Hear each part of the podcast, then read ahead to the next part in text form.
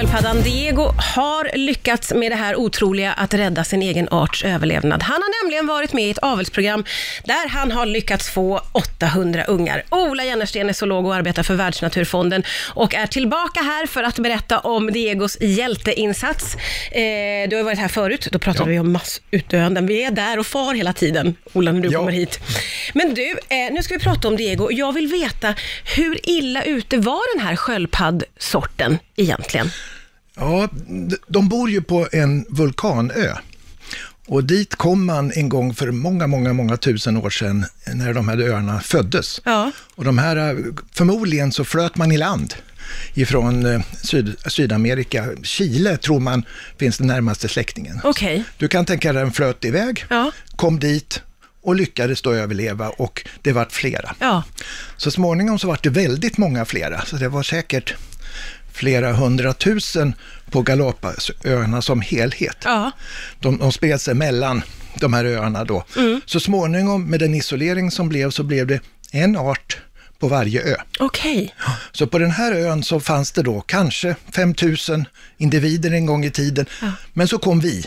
Ja, vi, kom vi människor. Ja. Och under nästan 400 år så var de här öarna då mathämtningsplats, konservburksplats. Mhm. Man åkte dit, hämtade en 100 kilos sköldpadda som är som en konservburk, stoppade den på båten och hade den i månadsvis innan man blev hungrig nog och öppnade den och åt upp den. Nej men gud, jaha. Så att, så att på så sätt så exploaterades de jättehårt Ja. ut många hundra år. Ja, ja, ja, ja, jag förstår. Och sen då mot här på 1900-talet när man började räkna dem på den här ön då som ligger isolerat långt i sydöst utav hela arkipelagen, Ga- Galapagosarkipelagen. Espaniola eller Hood heter den på engelska. Eh, då hade man, jag tror det var 14 stycken man hittade. Oj, var det allt som fanns kvar? Ja, och då var det två hannar av de fj- 14 individerna. Ja, okej. Och då tänkte man, okej, vi måste göra någonting åt det här. Och det här var kanske 50 år sedan man startade då det här. Ja, ja. Och, och då måste man tänka, två hannar det är inte mycket. Nej. Kan vi ringa runt? Och då ringde de till San Diego Zoo. Ja. Och där fanns Diego, Ja, ja, ja. som varit infångad någon gång i början på 1900-talet utav en expedition, körts till Amerika och bott där i årtionden. Men, och det här också att de blir så gamla. Allting Ja. är så fascinerande med det här. Det är ju helt otroligt. Och sen vet du så fick de då ta den här sköldpaddan och eh, han får åka tillbaka till Galapagosöarna Okej. och bott här nu tillsammans med 12 tjejer. Eller de, jag tror att han hade lite färre som han fick ta hand om, säg fem, sex stycken. Ja. Och de har bott nu i en massa år och det visade sig då när man räknade till slut att 800 var han pappa till. Herregud, det finns så mycket frågor jag har kring detta. Vi ska fortsätta prata efter Pink. Eh, vi ska in med henne här på Rix FM. 800 ungar i det här avelsprogrammet som man satte igång. Som, som han är pappa till, ja. Som han är pappa Ja. till. Och sen fanns det ju ytterligare två. Nästan, det var 1800, eh, slutresultatet blev 1800 som de då har släppt ut på gamla ön igen, tillbaka igen. Då. Okej. Och där har de då lyckats att att para sig och, och föda ännu mer ungar, så Ja. idag är de ungefär 2000 på ön. Ja, det är ju otroligt Ja. från att ha varit, vad var det, 12 stycken? Ja, Ja, Så, det är att, ju... så att eh, man, man menar med att eh, nu är man nöjd. Alltså, Ja. Man har lagt ner projektet och Diego har blivit pensionerad. Men, och han har verkligen Ja. lyckats rädda sin egen art. Ja. Jag säger det om och om igen, men det är ju anmärkningsvärt faktiskt. Ja, det är jätteroligt. Men får jag fråga då, eh, något som slår mig. Om det är så många av de här sköldpaddungarna som har samma pappa, vad får det för effekter på framtiden, eller spelar det ingen roll? Ja, det, det kan spela roll och oftast är det så här, om man är väldigt snäv då i den genetiska uppsättningen, så har man svårare att möta eh, miljömässiga förändringar. Okej. Så blir det då en, en stor förändring utav klimat här framöver, så kommer de sannolikt att få det jobbigt. Okej. Men, men har man då en, en plats där det är ungefär som det alltid har varit, då, då kommer det säkerligen att gå bra för dem. Och hur ser framtiden ut då för de här öarna? Klimatförändringarna är ju ett faktum. Ja, jag, men jag hoppas ju att det kommer gå bra. Det, det, de är ju rätt så vana vid extremväder. De har, det finns varma och, och kalla områden. Det är, upps, uppsvällningar med, med kallt vatten runt omkring öarna som gör dem så näringsrika. Men det kommer också då varmvindar ifrån, ifrån fastlandet emellanåt som gör att klimatet kan vara allt ifrån stentorrt till riktigt vått och regnigt.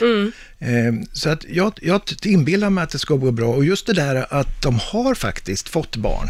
Ja. De, de reproducerar sig är ett gott tecken. Ja, just det. Och, och det tycker, tror jag nog gör att, att eh, jag inbillar mig att det kommer gå bra för dem. Jag måste få fråga om Diego också, som alltså levde ett, en stor del av livet på ett zoo och sen blev flyttad till det här avelsprogrammet. Nu har han gått i pension. Ja. Var bor han på eh, sina gammeldagar nu då? Ja, det här är ju nästan ännu roligare. För, för att i och med att han pensioneras så kommer han här nu om en eller två månader att flyttas tillbaka till sin födelseö, till Hispaniola. Jaha, nej men oj, vad okej. Ja, så att det här är ju fantastiskt kul och det skulle vara så spännande att få vara med och titta på när man släpper ut honom. Tänk dig själv att komma tillbaka till födelsestället efter typ 100 år. Ja, det är ju helt overkligt. Kommer han att känna igen det? Kommer han att klara sig? Ja. Eh, han, har ju, han har ju blivit naturligtvis välskött under alla de här åren. Han har fått mat, han har inte behövt tänka på så mycket. Flickorna Nej, har gått nej, omkring honom. precis. Det blir ju en, Kommer han att kunna ta hand om sig själv? Ja, den frågan får väl återkomma. Ja, Okej, vi göra en uppföljning på Diego, det hör väl jag det. Jag tänker ju att det här ger väldigt gott hopp. Eh, kan det här appliceras på andra djurarter? Kan man eh, använda sig av liknande avelsprogram för att rädda andra djurarter som är utrotningshotade? Ja, det finns ju väldigt många exempel på att man jobbar på så sätt. Jag menar, här i Sverige exempelvis så jobbar vi med vitryggig hackspett på liknande sätt. Ja, ja. Och, och det finns ju ett extremfall det man gör i Afrika just nu med, med en, en underart utav den vita, eller trubbnoshörningen. Just det, det här har vi ju Ja. läst jättemycket Ja. om. Och, men där uppfattar jag det som att den sista hanen dog. Just det, se- där, den är återvändsgränden är, är där redan, det finns bara två honor kvar. Men man har alltså samlat in både ägg och sperma från, från individer då tidigare. Så den gamla hannen Sudan då har Ja. lämnat ifrån sig och de finns på en, i en frysbox i Italien tror jag. Ja. Och där jobbar man nu med att försöka provrörsbefrukta de här äggen så att man får ett foster som man sen kan plantera in i en annan noshörningshona. Förmodligen inte de där två som finns kvar, Nej, utan, okej. utan den andra Ja. underarten då som finns nere i sy, sö, södra Afrika. Alltså det där är ju så spännande. Om det skulle fungera, Ja. så måste ju det betyda något alldeles oerhört mycket. Ja, det är lite Jurassic Park. Ja, men det är ju Ja. det. Och då kommer följdfrågan, är det rätt eller fel då? Ska man lägga sig i eller ska man inte? Ja, det, det är ju en etisk fråga naturligtvis, men också en ekonomisk. Ska man spendera så mycket pengar på den underarten när det går så jämnt åt skogen för, för så många andra? Kanske det är så att man ska använda de pengarna till att rädda eh, de skogar som finns kvar så att säga.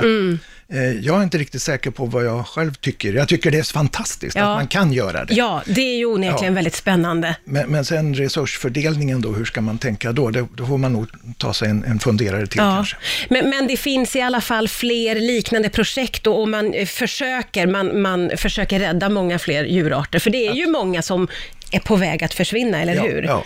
Men det finns, alltså, som sagt det är väldigt många negativa historier, men det finns Mm. också, som du säger, där, det finns några goa. Jag menar, havsörn idag flyger runt Stockholm Ja. varenda dag. Ja. Det gjorde den inte på, på 80-talet, där de nästan gick i, alltså dök i havet allihopa. Ja, nej men precis. Så det finns några sådana där, och det beror ju, eftersom det är vi människor som är orsakade till, orsakar ja, 99,9 procent Mm. av de här problemen, så är det också vi människor som kan vända på det, om vi bara vill. Ja. Och, och vi lägger den resurser, eh, som, som, tillräckliga resurser, så går det att fixa till det. Ja, och på så sätt så känns det ju verkligen okej att vi är med och hjälper till. Om det nu är vårt fel att en art har försvunnit, Absolut. så tycker jag att man kan vara för provrörsbefruktning Ja. utan att skämmas. Ja, men det, det, det kräver en väldigt mycket insatser från vår sida för att vi ska kunna vända Ja, det det här. är klart. Och, och det är inte säkert att politiker och andra i en treårsperiod då vill, vill satsa på det. Det, det är väl det som är den stora faran. Ja, just det.